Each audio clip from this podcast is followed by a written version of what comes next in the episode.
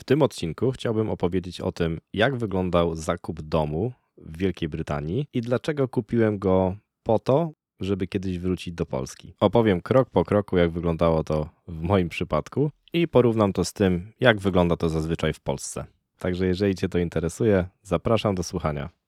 Ja mam na imię Mateusz, a to jest podcast Budowa domu na odległość, w którym opowiadam o mojej przygodzie budowy domu w Polsce, mieszkając jednocześnie za granicą. Na początku muszę Ci się do czegoś przyznać. Jak przyjechałem w 2013 roku do Wielkiej Brytanii i zobaczyłem, jak wygląda tutejsze budownictwo, bo widziałem domy, w których mieszkali moi znajomi lub też rodzina mojej dziewczyny, to powiedziałem: Nigdy nie kupię tutaj domu. I to jest, myślę, ważna lekcja, bo nigdy to, jak to mówią, słowo, którego nikomu nie można zabronić wymawiać. Lepiej jego unikać i staram się od tamtej pory unikać mówienia nigdy, bo nie wiadomo, co nas czeka. Także w 2013 roku, jak zobaczyłem to, jak wygląda budownictwo y, brytyjskie, czyli pokrótce ściany z kartonu, miniaturowe pokoje i kąty 95 stopni, a nie 90, i to w sumie 95 chyba by było jeszcze nie najgorzej. Ogólnie brytyjskie budownictwo mm, jest, można powiedzieć, y, średnie. Y, No, są oczywiście jakieś piękne tutaj cuda architektury w stolicy czy w jakichś innych miastach, ale takie budownictwo, powiedzmy, mieszkaniowe dla takiego zwykłego, przeciętnego zjadacza chleba jak ja, moim skromnym zdaniem, nie jest wykonane zbyt starannie, a już na pewno nie będzie podobało się komuś, kto jest przyzwyczajony do takich naszych polskich standardów, szczególnie obecnych standardów budowlanych. I według mnie jest parę przyczyn tego. Jedną z przyczyn jest to, że po prostu chcą tutaj ludzie wybudować możliwie jak najtaniej, a może nie powinienem w sumie mówić ludzie, tylko firmy, bo większość domów tutaj jest budowana przez firmy deweloperskie. Także firmy te no, chcą zrobić jak najtaniej, bo oczywiście produkt, który będzie tańszy, y, szybciej się sprzeda, jest większa możliwość tego, że się sprzeda. Ogólnie, jeżeli chodzi o popyt, to przez ostatnie lata mm, firmy tutaj, które budowały domy, nie musiały narzekać, wszystko po prostu schodziło zawsze na pniu, y, jak świeże bułeczki. y, Za coraz to wyższe ceny. Nie, nie słyszałem tutaj, żeby gdzieś stały jakieś domy puste, szczególnie te nowe, na które są jakieś tam dodatkowe mm, preferencyjne jakby możliwości zakupu. Także tutaj y, dla dewelopera jest praktycznie raj. Dodatkowo, mm, jeżeli chodzi o samą powierzchnię y, domów, no cóż, tutaj nie wiem dlaczego, nie potrafię sobie to jakoś, tego jakoś logicznie wytłumaczyć w mojej głowie. Mm, Ludzie nie kupują domów na metry kwadratowe. Ludzie kupują tutaj domy na sypialnie. Czyli jeżeli jest na przykład dom z dwoma sypialniami, oznacza to w przełożeniu na polski, że jest kuchnia, salon i dwie sypialnie z reguły u góry, bo tutaj bardzo popularne są domy piętrowe. Trochę mniej popularne domy takie parterowe. Głównie one są dla takich osiedlach dla osób powiedzmy starszych na emeryturze, y, które, no żeby nie musiały chodzić po schodach. Zrozumiałe. Ale większość normalnych domów jest tutaj piętrowych albo nawet dwupiętrowych i z jakiegoś dziwacznego powodu, no nikt nie rozmawia tutaj o metrach kwadratowych. To jest y, niezrozumiałe dla mnie w ogóle. Ale deweloperzy już tacy do końca głupi nie są, bo zauważyli ten trend, że ludzie tutaj, no tak, metry kwadratowe to nie bardzo, czy tam stopy kwadratowe, obojętnie co tutaj by było. y, Nikt o to nie pyta. No i jak możesz się domyślać, co się stało, z roku na rok, jak popatrzysz sobie na wielkość średniego y, bedroomu, czy też sypialni, y, no ona była coraz, staje się coraz mniejsza, bo deweloper chce oszczędzić. Oczywiście każdy metr kwadratowy stanu surowego to każdy metr kwadratowy więcej do wykończenia. Zrozumiałe. Najważniejsze, że ilość bedroomów się zgadza. Także tutaj no, to jest dla mnie dziwne. Y, Często zdarza się też tak, że w ogłoszeniu jest na przykład sprzedaż domu trzybedroomowego, z czego dwa są takie no w miarę do użytku, a jeden jest to tak zwany box room, I w niektórych jest to faktycznie box room, bo znajduje się w nich takie dziwne pudło, które jest jakby elementem konstrukcji schodów, co też jest dla mnie dziwne. Nie widziałem czegoś takiego w Polsce nigdy. E, no ale w tym pokoju to co najwyżej można mieć, nie wiem, biurko, komputer i takie małe, powiedzmy taki mały e, domowy office, nic więcej, bo do niektórych nie da rady nawet wstawić łóżka. Także tak naprawdę pokój, przepraszam, dom trzysypialniowy ma tak naprawdę dwie sypialnie i jakiś, jakąś komórkę u góry, a nie, a nie sypialnię. Także to jest, to jest tutaj po prostu chore. Dlaczego ludzie tak na to pozwolili, to nie wiem. Myślałem na początku, zanim oczywiście zainteresowałem się mocniej tym tematem, że to jest taki żargon, że tak ludzie po prostu mówią, a na pewno gdzieś w dokumentach wszystko jest, są opisane plany, y, są opisane metry kwadratowe, czy tam jakakolwiek inna jednostka miary, żeby wiedzieć, co się kupuje. No ale co się okazało? Nie do końca. Także, wracając do samego początku. Nie chciałem kupić domu, długo nawet nie brałem takiej opcji pod uwagę.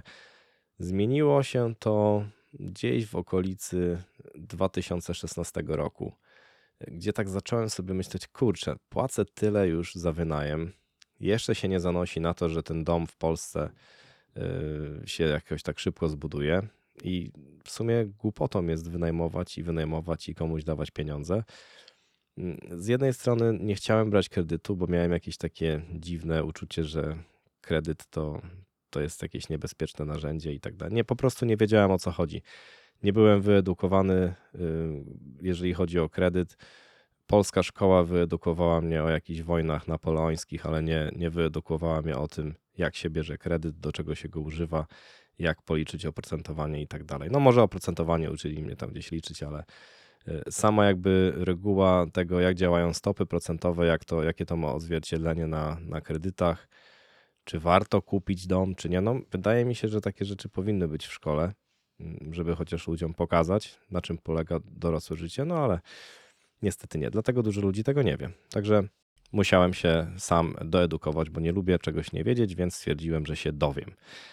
E, znalazłem w internecie taki e, bardzo fajny portal prowadzony przez takiego tutaj angielskiego guru, jeżeli chodzi o finanse, pana Martina Luisa. E, I zacząłem czytać jego blog, zacząłem oglądać jego filmy. On przygotowuje naprawdę fajne materiały, takie neutralne, jeżeli chodzi o, o to. On nie, nie zachęca, broń Boże, do brania kredytów, ale mówi, że no na przykład w danej opcji no, opłaca się. Jeżeli chcemy gdzieś zostać na dłużej, nie planujemy wyprowadzać się po roku czy po dwóch, mamy pieniądze, y, budżet y, nasz domowy, nasze przychody miesięczne na to pozwalają, to, to mówił, że warto jest zainwestować i go posłuchałem. Warto zainwestować w kupno własnego domu i go, i go posłuchałem. Także pierwszym powodem, dlaczego zdecydowałem się na ten krok, no była, była taka złość, że płacę komuś tak naprawdę kredyt. Nie chcę wziąć sam kredytu, ale spłacam go komuś, także tak naprawdę mam kredyt, tylko taki, który nie należy do mnie i nawet nie wiem, że go mam. Y, to było pierwszym powodem. Drugim powodem było to, że mm, ten powrót do Polski zostanie w Anglii, tak jak już wspominałem we wcześniejszym materiale, w którymś z odcinków. No, była to taka sinusoida i dalej w sumie jest sinusoida Także raz chciałem bardziej, raz mniej wrócić i to był taki okres, gdzie myślałem, no chyba może jednak trochę zostanę tutaj na dłużej. Także no, to było na pewno jakąś motywacją, żeby kupić dom. Mm, po trzecie, uważałem, że ci, którzy mówią, że ceny nieruchomości będą rosły, raczej mniej się mylą niż ci, którzy mówili, że ceny nie będą rosły. Bo patrząc historycznie, mniej więcej co 10 lat y, ceny nieruchomości w Anglii E, podwajały się. Także mm, no, brzmiało to jak całkiem niezła opcja, ale to tylko tak brzmi, jak się człowiek patrzy na wsteczne wykresy, e, jak jest w miejscu, w którym trzeba podjąć decyzję i nie wiadomo, co jest jutro, wtedy już tak kolorowo to nie wygląda. Dlatego kupno nieruchomości na kredyt hipoteczny jest związane z ryzykiem i nie można tego bagatelizować. Mm, ja brałem to pod uwagę, i pamiętam, jak rozmawiałem z moim doradcą kredytowym tutaj, i ona mówiła mi, że nie, no przecież teraz są takie niskie stopy, nie zanosi się w ogóle na to, żeby one drożały. Dla mnie to było logiczne, że one muszą zdrożeć, no bo skoro są na historycznie niskim poziomie, no to mogą iść tylko do góry, one już praktycznie niżej już nie mogły spaść. Więc no, warto brać pod uwagę to, czy na przykład będziemy mogli udźwignąć ratę, która będzie dwa razy droższa, albo nawet dwa i pół razy droższa, tak na marginesie. Dlatego pierwsza sprawa, musiałem się wyedukować. Poświęciłem rok czasu na to, żeby oglądać filmy na YouTubie, czytać e, poradniki właśnie od Martina Luisa e, i zbierać różne informacje, analizować to, e, patrzeć też na rynek, jak się zachowuje, czy te ceny nieruchomości rosną, czy spadają, i w sumie przez ten rok rosły.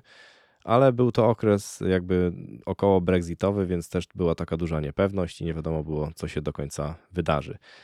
Ale podjęliśmy decyzję, że kupujemy dom, więc pierwszą strategią naszą, żeby to zrealizować, było oczywiście odłożenie pieniędzy na wkład własny, czyli tutaj tak zwany depozyt, bo chcieliśmy kupić dom używany. Nie chcieliśmy kupić nowego domu, bo nowe domy po pierwsze moim zdaniem są jeszcze bardziej tandetnie wykonane niż te stare e, lub te starsze. Mój dom nie jest jakiś mega stary, ma ponad 20 lat, więc już jest w tej takiej szajsowatej technologii niestety zrobione. Ona ma swoje plusy, bo nie mam na przykład wilgoci, ale mm, jeżeli chodzi o wielkość pomieszczeń, jakość ścian działowych, no jest średnio z tym.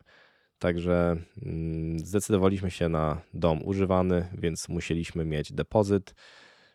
Na dom nowy oczywiście też trzeba mieć depozyt, ale ten depozyt, y, jeżeli skorzysta się z jakiegoś tam programu, może być tak niski jak tylko na przykład 5%. My chcieliśmy mieć 10%, także trzeba było uzbierać 10%. Ceny domów w Anglii do najtańszych nie należą szczególnie w regionie, w którym ja mieszkam. Może gdzieś na północy w sumie jest taniej, ale tam znowu jest gorzej z pracą, także mniejsze zarobki, mniejsze ceny nieruchomości. W sumie wychodzi na jedno i to samo. E, jeżeli chodzi o samo przygotowanie do zakupu, to tak jak mówię, była to edukacja, było to dosyć intensywne oszczędzanie, no i niestety zamrożenie jakiejkolwiek aktywności na budowie. Ciężko było mi z tym. Budowa musiała przezimować bez dachu, także bolało mnie serce, że tam coś się stanie i coś mi pognije i tak dalej.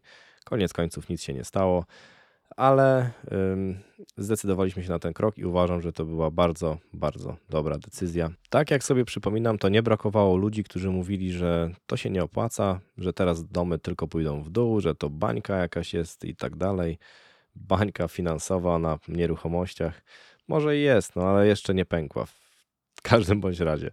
Także mm, nie warto słuchać do końca innych. Warto słuchać samego siebie, tylko się po prostu wyedukować, mieć jakieś rozeznanie, pojęcie, żeby wiedzieć, wiedzieć po prostu, co się robi, żeby być świadomym, bo takie ryzyko podjęte świadomie jest po prostu o wiele lepsze niż ryzyko w ciemno. Niektórzy ryzykują w ciemno i mają dobre rezultaty, ale ja raczej należę do osób, które Mm, ok, są ok z podejmowaniem jakiegoś tam ryzyka, ale to ryzyko musi być świadome i jakoś tam wykalkulowane. Jeżeli chodzi o sam zakup nieruchomości, to wydaje mi się, że w Wielkiej Brytanii jest to dosyć prosty proces, który, no tutaj jest dużo jakby takich ułatwień, znaczy prosty proces, może źle się wyraziłem. Proces nie jest prosty, bo jest bardziej skomplikowany niż w Polsce, ale jeżeli nie ma się pojęcia o niczym, to są instytucje, są ludzie, którzy poprowadzą za rękę w sumie przez ten proces i dlatego on może się wydawać prosty.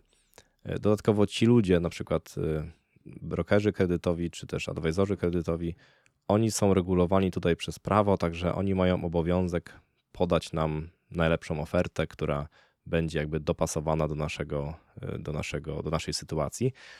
Z tego, co się orientuję w Polsce, doradcy kredytowi nie są w żaden sposób regulowani.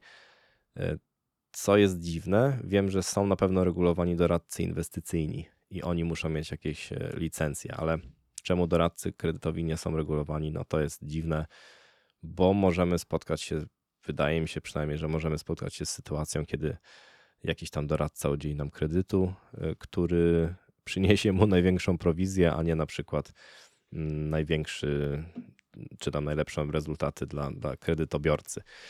Także no, myślę, że to są pewnie jakieś marginalne sytuacje, ale mogą się oczywiście zdarzyć.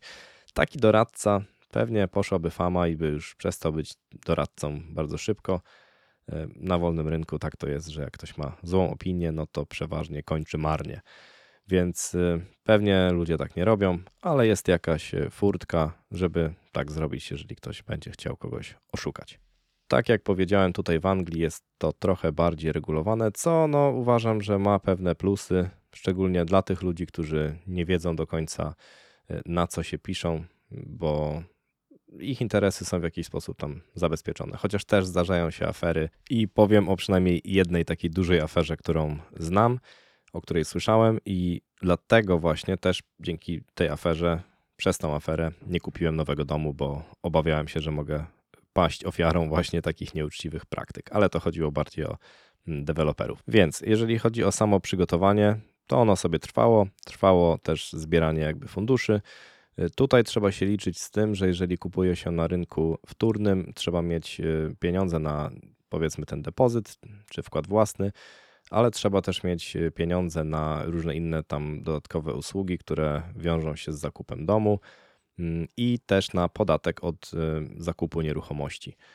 W moim przypadku akurat objęła mnie abolicja na ten podatek, która została wprowadzona dla osób, które kupują pierwszą nieruchomość w życiu, ale to może wynosić e, w zależności od e, wartości nieruchomości nawet kilka tysięcy funtów. Także trzeba mieć to na uwadze, e, w szczególności jeżeli kupuje się na przykład drugi dom. Do tego jest też koszt prawników, czyli takiego powiedzmy polskiego notariusza, który nie wygląda tak jak polski notariusz i opowiem o tym, bo to jest właśnie ta tutaj wielka różnica między tymi dwoma systemami w Polsce i w Wielkiej Brytanii. To znaczy w Anglii. Ja nie będę opowiadał o tym, jak jest w Wielkiej Brytanii, bo wiem, że na przykład w Szkocji panują troszeczkę inne reguły, jeżeli chodzi o sam zakup nieruchomości. Także będę mówił tylko o Anglii. Weź to pod uwagę. Są małe różnice, o których też wspomnę, ale nie wiem zbyt wiele o tym, jak to działa w Szkocji. Więc tak, jak wygląda tutaj ten rynek nieruchomości? Otóż jest on trochę inny y, niż w Polsce. Większość domów, praktycznie wszystkie, są sprzedawane przez agencje nieruchomości. Trudno mi powiedzieć, dlaczego tak jest. Być może ludzie są po prostu wygodni i wolą oddać to w ręce agencji nieruchomości, która takich potencjalnych klientów jakoś tam wstępnie, powiedzmy, zweryfikuje, żeby uniknąć takiej sytuacji, że ktoś przychodzi do, do nas oglądać dom i, i tak nic nie kupi, bo na przykład nie stać go na taki dom. Także szkoda w ogóle czasu i pieniędzy, właśnie pieniędzy, bo ten system jest tak skonstruowany, że jeżeli nie dojdzie do transakcji, to jest ryzyko, że obie strony troszeczkę na tym stracą. Także to może być jakiś argument za tym, dlaczego tutaj agencje nieruchomości są tak popularne. Także, jak to było? No powiedzmy te pieniądze się gdzieś tam zbierały i już było blisko tej kwoty, o której myśleliśmy, że możemy sobie pozwolić na, e, wydać na, na dom i tyle oczywiście, ile bank nam też będzie chciał pożyczyć, tak mniej więcej. Więc e, no, zaczęliśmy oglądać jakieś domy. Żeby umówić e, oglądanie takiego domu w Anglii, nie wystarczy tylko zadzwonić i się umówić. Zazwyczaj agencje będą wymagały od nas poświadczenia, że mamy pieniądze na jego zakup, albo mamy możliwość pożyczenia pieniędzy na jego zakup. Także w przypadku, kiedy chcesz finansować taką nieruchomość kredytem, musisz uzyskać y, z jakiegokolwiek banku taką promesę, że zostaną ci pożyczone pieniądze, także żeby oni po prostu nie marnowali czasu, mm, żeby też ten sprzedający nie marnował czasu. Y, jest to bardzo proste, można zrobić to przez internet. Nic to nie kosztuje, a sam ten dokument nazywa się Agreement in Principle i tak jak mówię, jest on do zdobycia przez internet w parę minut. Wpisujemy tylko swoje dane, wpisujemy nasze zarobki i ten e, kalkulator wyliczy nam, ile mniej więcej jesteśmy w stanie pożyczyć.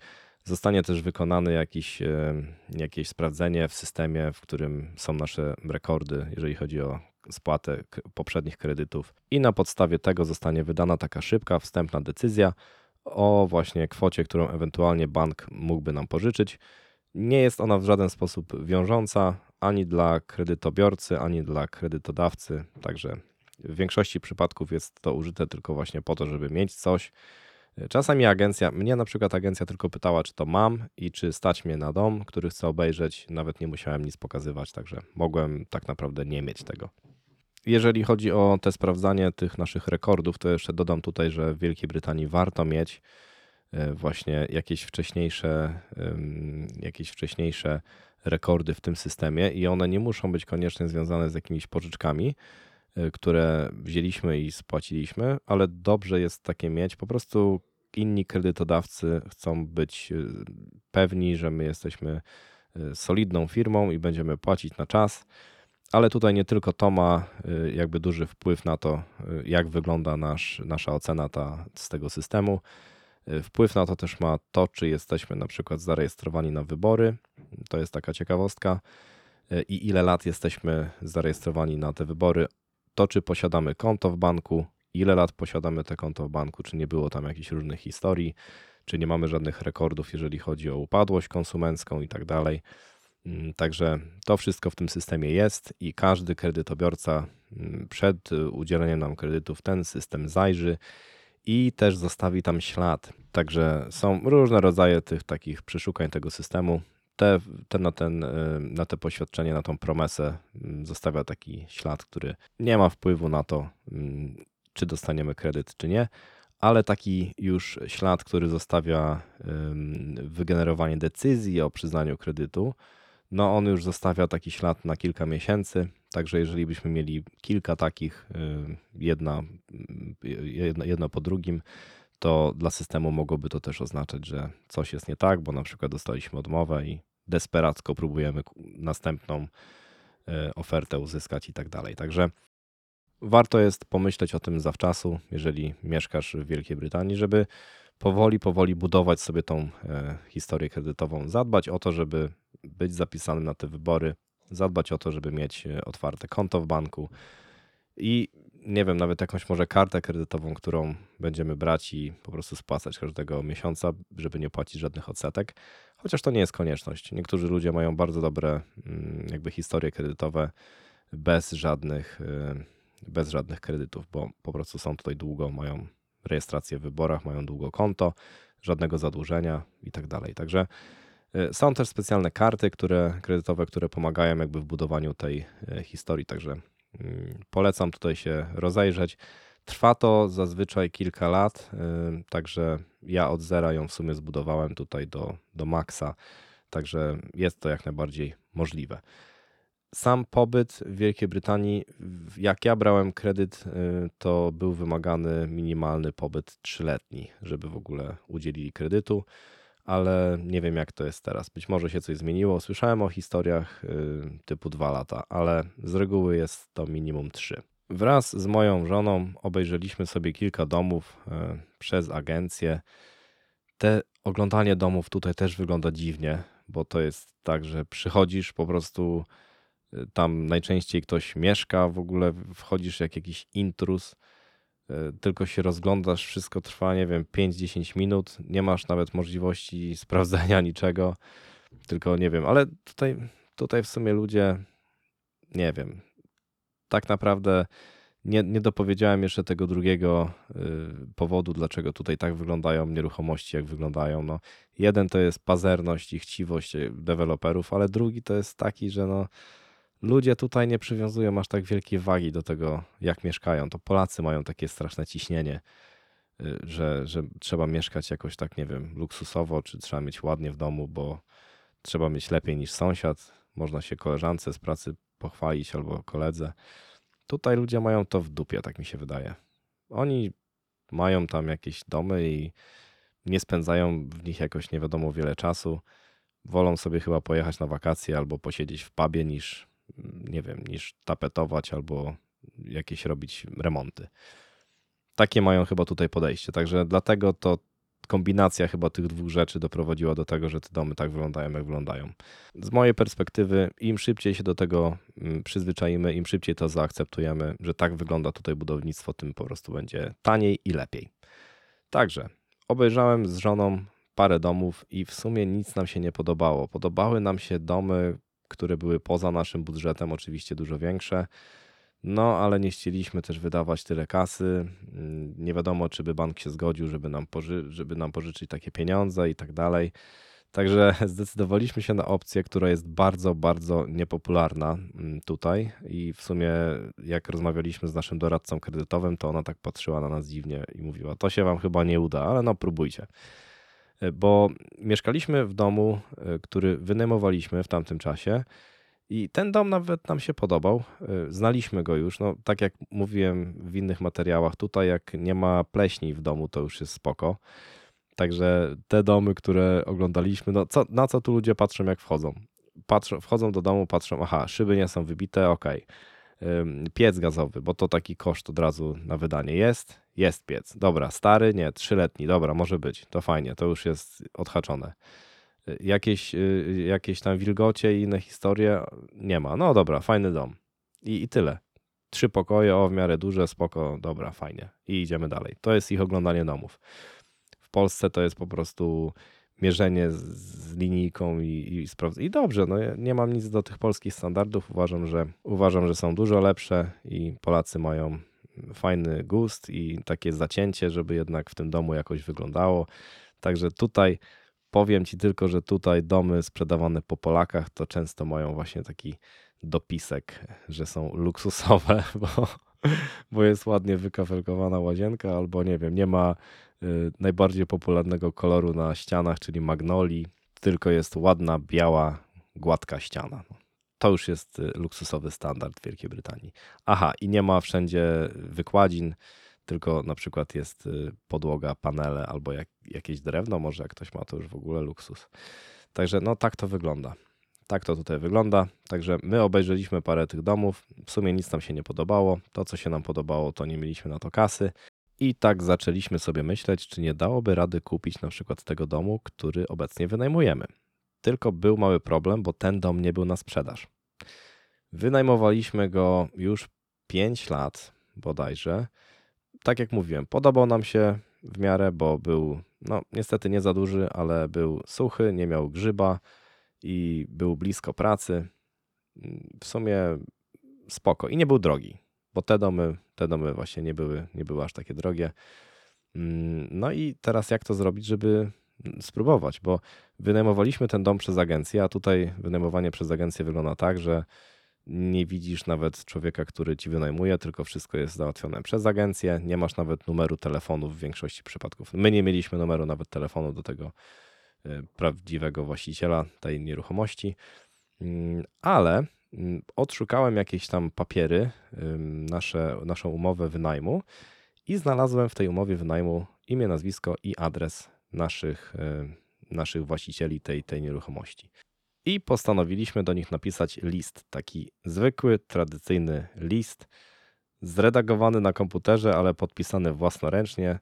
I w tym liście napisaliśmy, że jesteśmy waszymi lokatorami, nie znamy się, ale jesteśmy waszymi lokatorami od pięciu lat Podoba się nam ten dom y, i chcielibyśmy go kupić. Zbliża się Brexit, taka niepewność panuje, więc no, z jednej strony chcielibyśmy kupić ten dom i mieć pewność, że możemy sobie założyć rodzinę, a z drugiej strony, nie mówiliśmy tego, ale to, żeby było takie win-win, no to z drugiej strony nie wiadomo, jak się ceny nieruchomości za, zachowają z tym Brexitem i tak dalej, to może jest teraz dobry okres, żebyście wy sprzedali, bo widzieliśmy, że i tak zarobią całkiem sporo, chyba 50 tysięcy byli do przodu na sprzedaży, porównując do tego, za ile kupili ten, ten dom wcześniej, a kupili go dosłownie tam parę lat wcześniej, także z taką propozycją do nich wyszliśmy. Y, I też oczywiście drugi, drugi, y, druga korzyść dla nich była taka, że mm, zaoferowaliśmy się jakby sami, przez to nie, oni nie będą musieli zapłacić żadnych opłat agencji nieruchomości. A z reguły takie opłaty, no to może być na przykład 2-3% ceny wartości nieruchomości, także całkiem, całkiem spore kwoty. Wysłaliśmy ten list i czekaliśmy. I w sumie zajęło to dosyć długo. Chyba ponad miesiąc. Hmm, oczywiście podaliśmy też nasz numer telefonu i, po, i adres e-mail i po ponad miesiącu albo nawet prawie dwóch miesiącach dopiero dostaliśmy odpowiedź. Także byłem w szoku w ogóle, że przyszła ta odpowiedź, bo myślałem, że po prostu głuche milczenie było odpowiedzią i tyle, że to w ogóle był głupi pomysł. Ale stwierdziłem, że nawet jeżeli jest głupi, to spróbuję i, i się przekonam. W tym e-mailu było napisane, że jeszcze nie wiedzą, ale nie mówią nie. I to już było takie światełko w tunelu. Y, ucieszyliśmy się w sumie. Napisali, że po prostu ludzie, ci, którzy są właścicielami tej nieruchomości, mm, to są już starsze osoby. Oni teraz już mają jakiś problem z jakąś demencją starczą i tam trzeba zrobić jakieś upoważnienia i tak dalej. To jest wszystko w toku. Ogólnie trochę takie zagmatwane to było, ale że rodzina się zjedzie i że przemyślą to i podejmą decyzję. No i za jakiś czas się zgodzili i napisali nam, że wyślą z agencji ludzi, którzy zrobią wycenę taką wstępną, żeby wiedzieć po prostu za ile nam sprzedać. Zrobili tą wycenę, zaproponowali nam cenę. My się trochę potargowaliśmy, oni się zgodzili na niewielki upust i ubiliśmy interes.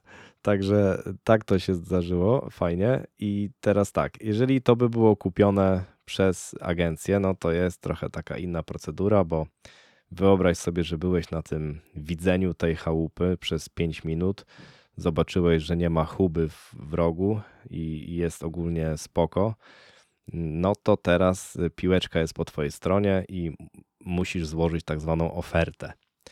Także oferta to jest ok, ty chcesz za dom 200 tysięcy, to ja daję 190 albo ja daję 220, bo czasami są takie oferty, które mówią, że tylko powyżej pewnej kwoty. Czasami to jest ściema, ale bywały tutaj takie okresy, że ludzie się po prostu licytowali, żeby coś kupić.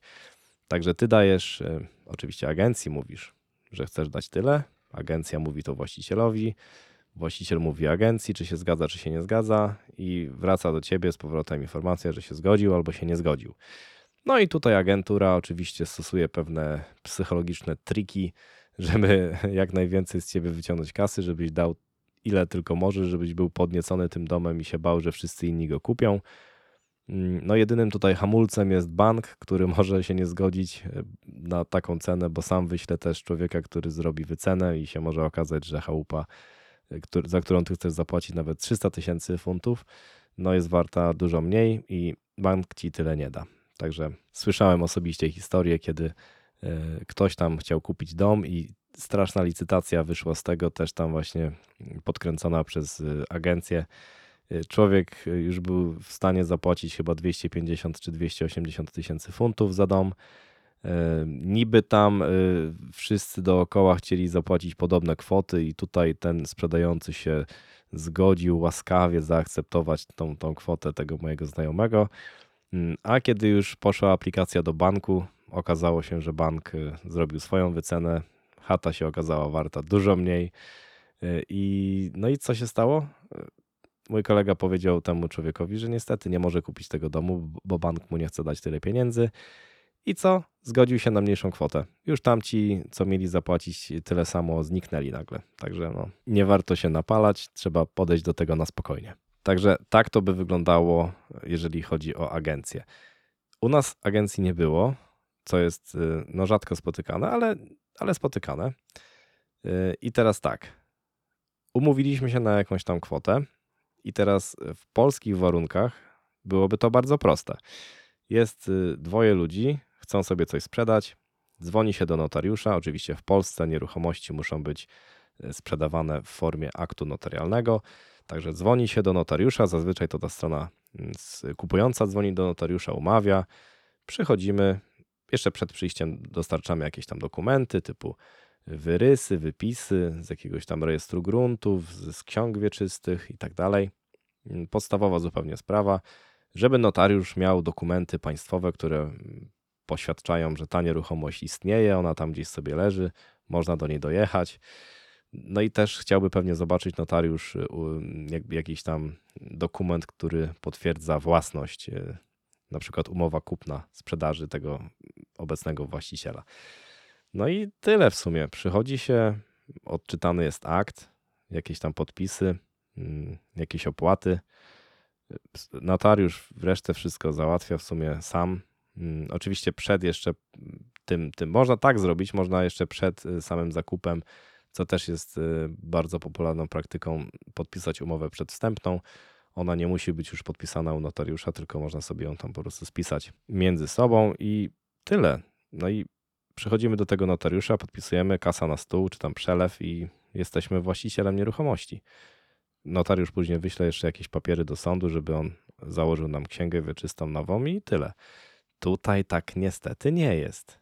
Jest inaczej i ta procedura przez to ciągnie się miesiącami. Naprawdę jest to bardzo stresujący okres. Myślałem, że dla mnie będzie to dużo prostsze, bo wyeliminowałem ten jeden też stresujący element tej całej, tego całego procesu, czyli e, użeranie się z agencją. Mm, ale niestety nie było praktycznie nic łatwiej. Także dogadaliśmy się, jeżeli chodzi o kasę, y, i wybraliśmy się my ze swojej strony do naszego doradcy kredytowego, żeby nam doradził, który kredyt y, będzie najlepszy do sfinansowania tej inwestycji. Przez to, że przygotowywałem się tak długo do tego tematu, to wiedziałem już tak naprawdę, jaki produkt potrzebuję.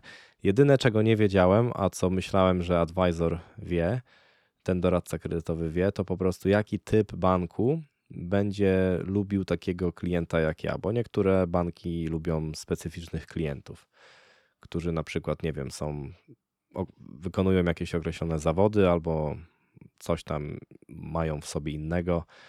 Y, nie wiem, pracują fizycznie, to oni już ich nie chcą, a tamci pracują w biurze, to oni już ich chcą. Tego nie wiedziałem, także nie chciałem zmarnować tej szansy i zostawiać jakiegoś śladu w tej mojej historii kredytowej. Dlatego zdecydowałem się na wybór, na tą ścieżkę po prostu wyboru kredytu przez, przez advisora, przez doradcę. Co nie jest obowiązkowe, można sobie załatwić kredyt hipoteczny tak naprawdę samemu, bez żadnego, bez żadnego udziału jakichkolwiek advisorów.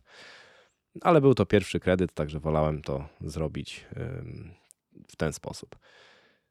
I okazało się, tak jak przypuszczałem, że ten produkt, który sobie wcześniej znalazłem w internecie, jakby pasuje najbardziej do tego, żeby sfinansować naszą nieruchomość. E, I no cóż, złożyliśmy wniosek o kredyt e, hipoteczny. Po złożeniu takiego wniosku bank będzie chciał e, zrobić wycenę naszej nieruchomości.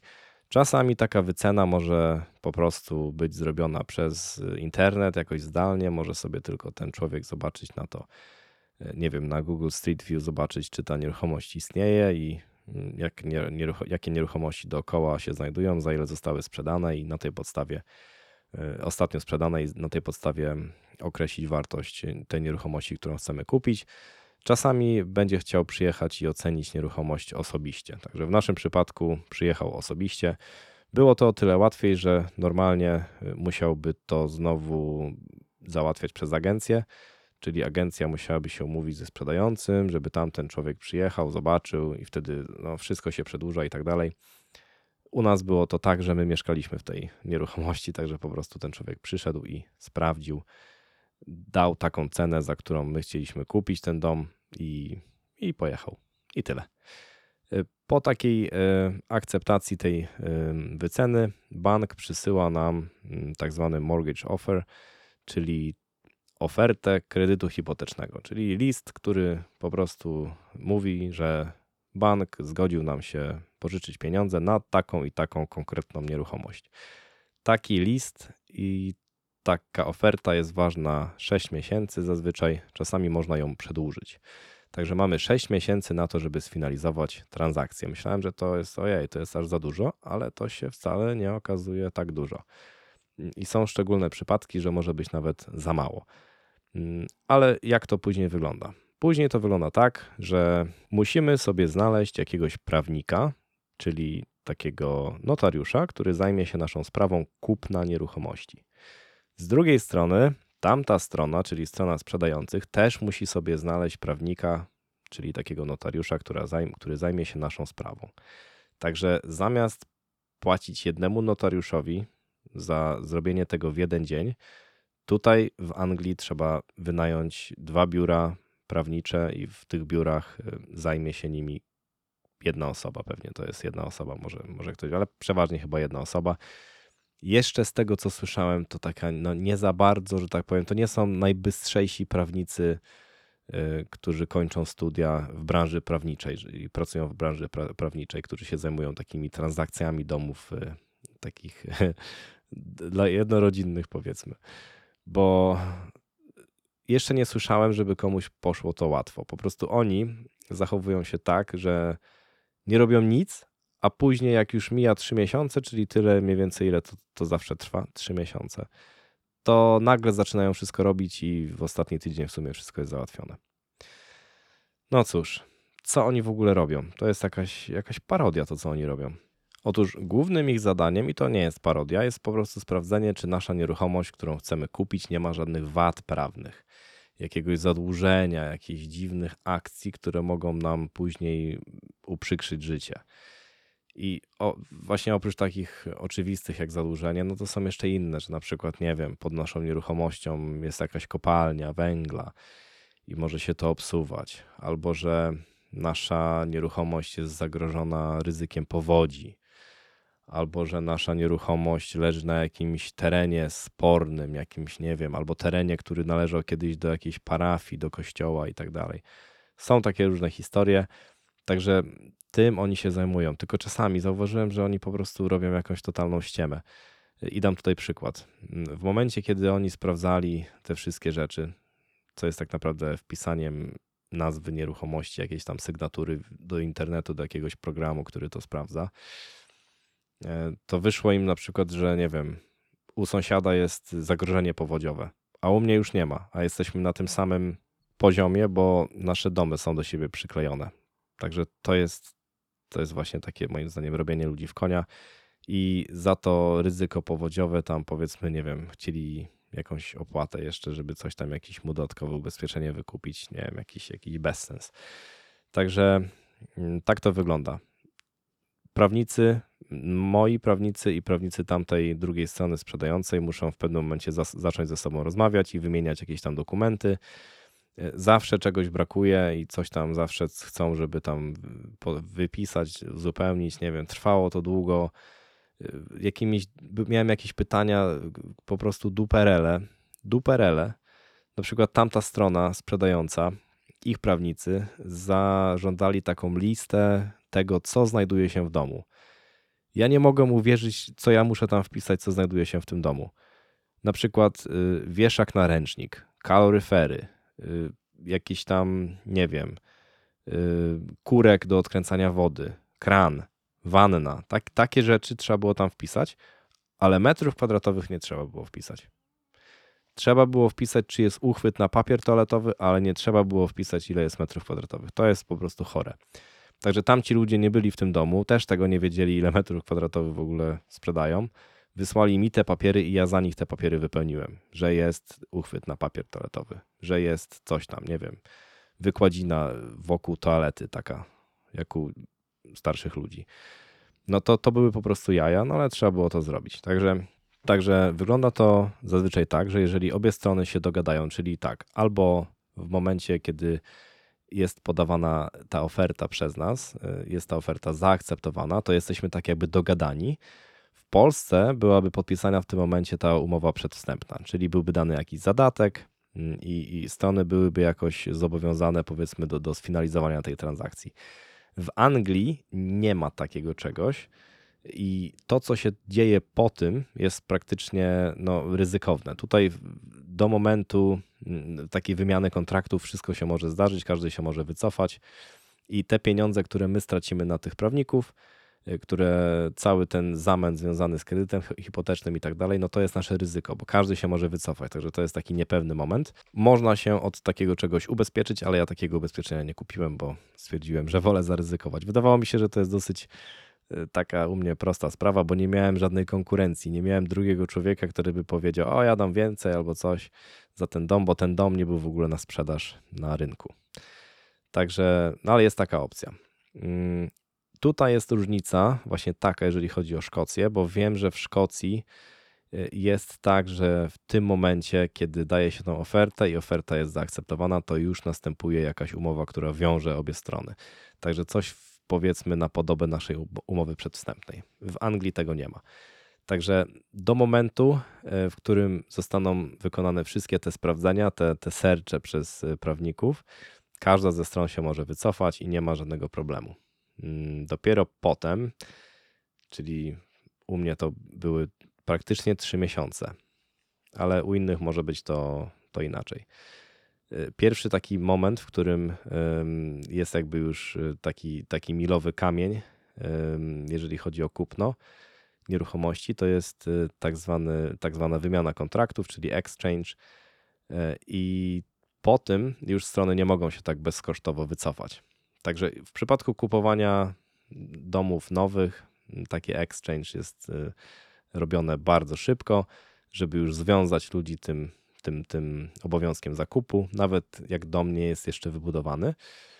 No bo później jest y, drugi etap, ten już końcowy, tak zwany completion, czyli to jest dzień, w którym są przekazywane klucze.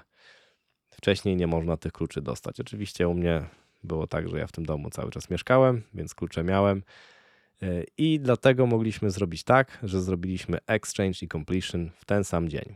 W normalnej sytuacji byłoby to zapewne tak, że nastąpiłoby exchange. Wtedy ludzie by już wiedzieli, że się przeprowadzą, mogliby sobie załatwić jakieś przeprowadzki, firmy przeprowadzkowe, żeby wszystko wywieźć. I w momencie tego completion wszyscy wymieniają się kluczami i się wprowadzają. Tak to wygląda. Czasami mm, domy są tutaj w tak zwanym chainie, czyli są powiązane innymi transakcjami, czyli na przykład ja chciałbym kupić nowy dom, ale żeby kupić ten nowy dom, muszę mieć pieniądze ze sprzedaży starego, więc wystawiam mój dom, w którym obecnie mieszkam na, na rynku, e, na sprzedaż i ktoś, kto kupuje, mm, wtedy e, jest jakby połączony w tym, w tym ciągu, bo on musi mi zapłacić, wtedy te pieniądze dopiero u mnie, jak będą, czy u mojego prawnika, zostaną zapłacone temu przyszłemu temu sprzedającemu, od którego ja chcę kupić dom. I czasami tutaj może się coś posypać, bo może być w to za, zaangażowanych po prostu więcej osób. Mm, mm, dlatego często jak się ogląda oferty jest napisane no chain i to oznacza, że po prostu kupujemy nieruchomość, która nie jest związana żadnymi innymi transakcjami i w teorii będzie ją po prostu łatwiej i szybciej kupić. Ale tak jak pokazuje mój przykład, mimo tego, że no było bardzo prosto, prawie że już prościej się nie dało, bo nie było ani agencji. Y, prosta transakcja y, i tak to trwało 3 miesiące. Także no cóż, to po prostu tutaj musi tyle trwać i nie da się tego przyspieszyć. Jest to naprawdę wkurzający proces i, i tak jak mówię, dużo jakichś głupkowatych pytań, a, a mało tych takich konkretnych pytań, na które, na które powinny być odpowiedzi. Na przykład, jeszcze raz powiem, ile metrów kwadratowych. Ja do dzisiaj nie wiem, ile metrów kwadratowych ma mój dom. E, bo nigdzie tego nie ma zapisane, także to jest po prostu śmieszne. E, no ale no cóż, są tam jakieś e, inne rzeczy, które fajnie, że ktoś sprawdził, typu w ogóle jak moja nieruchomość, jakie ona ma granice, bo to jest na mapce narysowane, także też nie jest wymiarowane, tylko tak po prostu narysowane, ale niech już im będzie. Także to są takie główne różnice, jeżeli chodzi o Y, zakup nieruchomości tutaj y, w Anglii.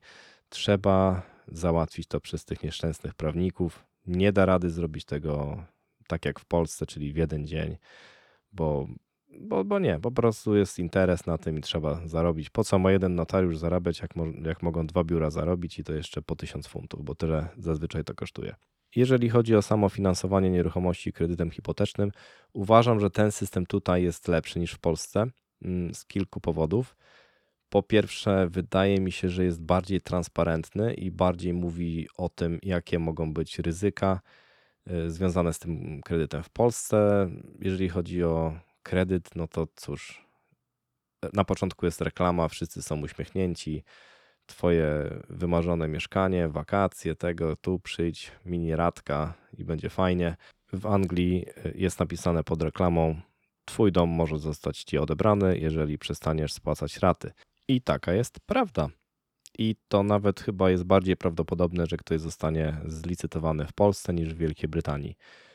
Nie jest to tutaj tak rozwiązane jak w USA, że na przykład jeżeli nie chcemy już spłacać, nie mamy kredyt, nie, nie, nie możemy spłacać kredytu, nie chcemy tego domu, to oddajemy bankowi klucze i nie mamy problemu. Nie, tutaj dalej będziemy winni jakby resztę sumy, za którą bank nam mm, HUP zlicytuje ale możemy mieć e, na przykład upadłość konsumencką i wtedy e, pozbyć się tego długu. No w Polsce też od jakiegoś czasu już jest ta upadłość konsumencka. Nie wiem do, koń, do końca, jak ona działa, czy ona działa na podobnych zasadach jak w Wielkiej Brytanii.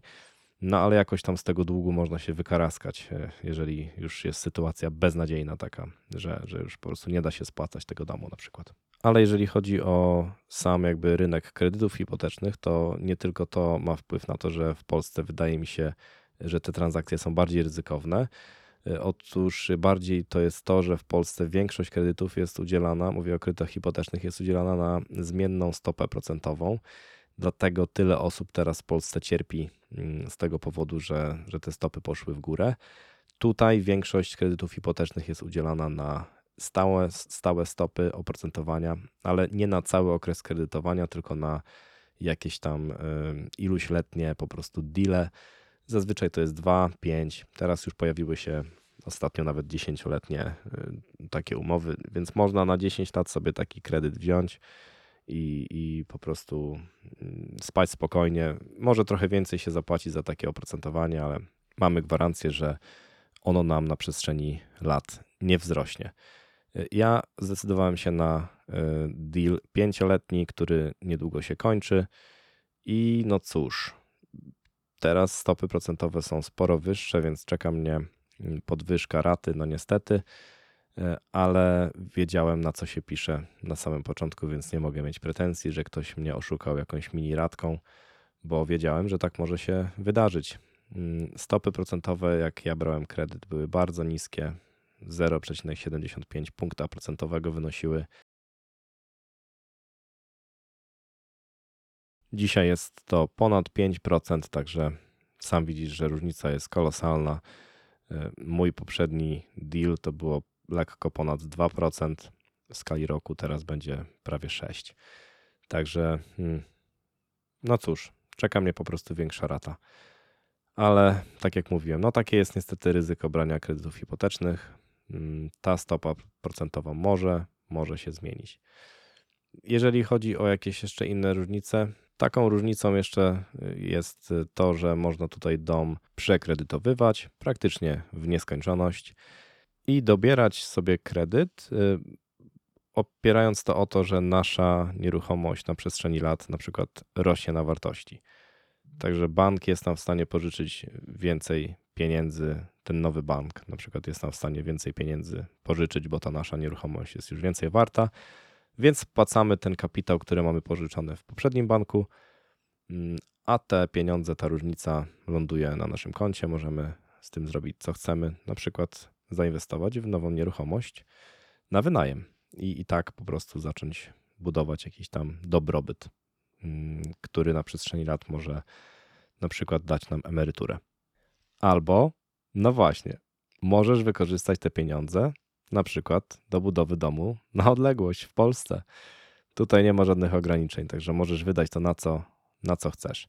Ja pomyślałem sobie w ten sposób. Nie zakładałem od razu, że tam cena nieruchomości będzie aż tak rosła, ale pomyślałem sobie o tym tak.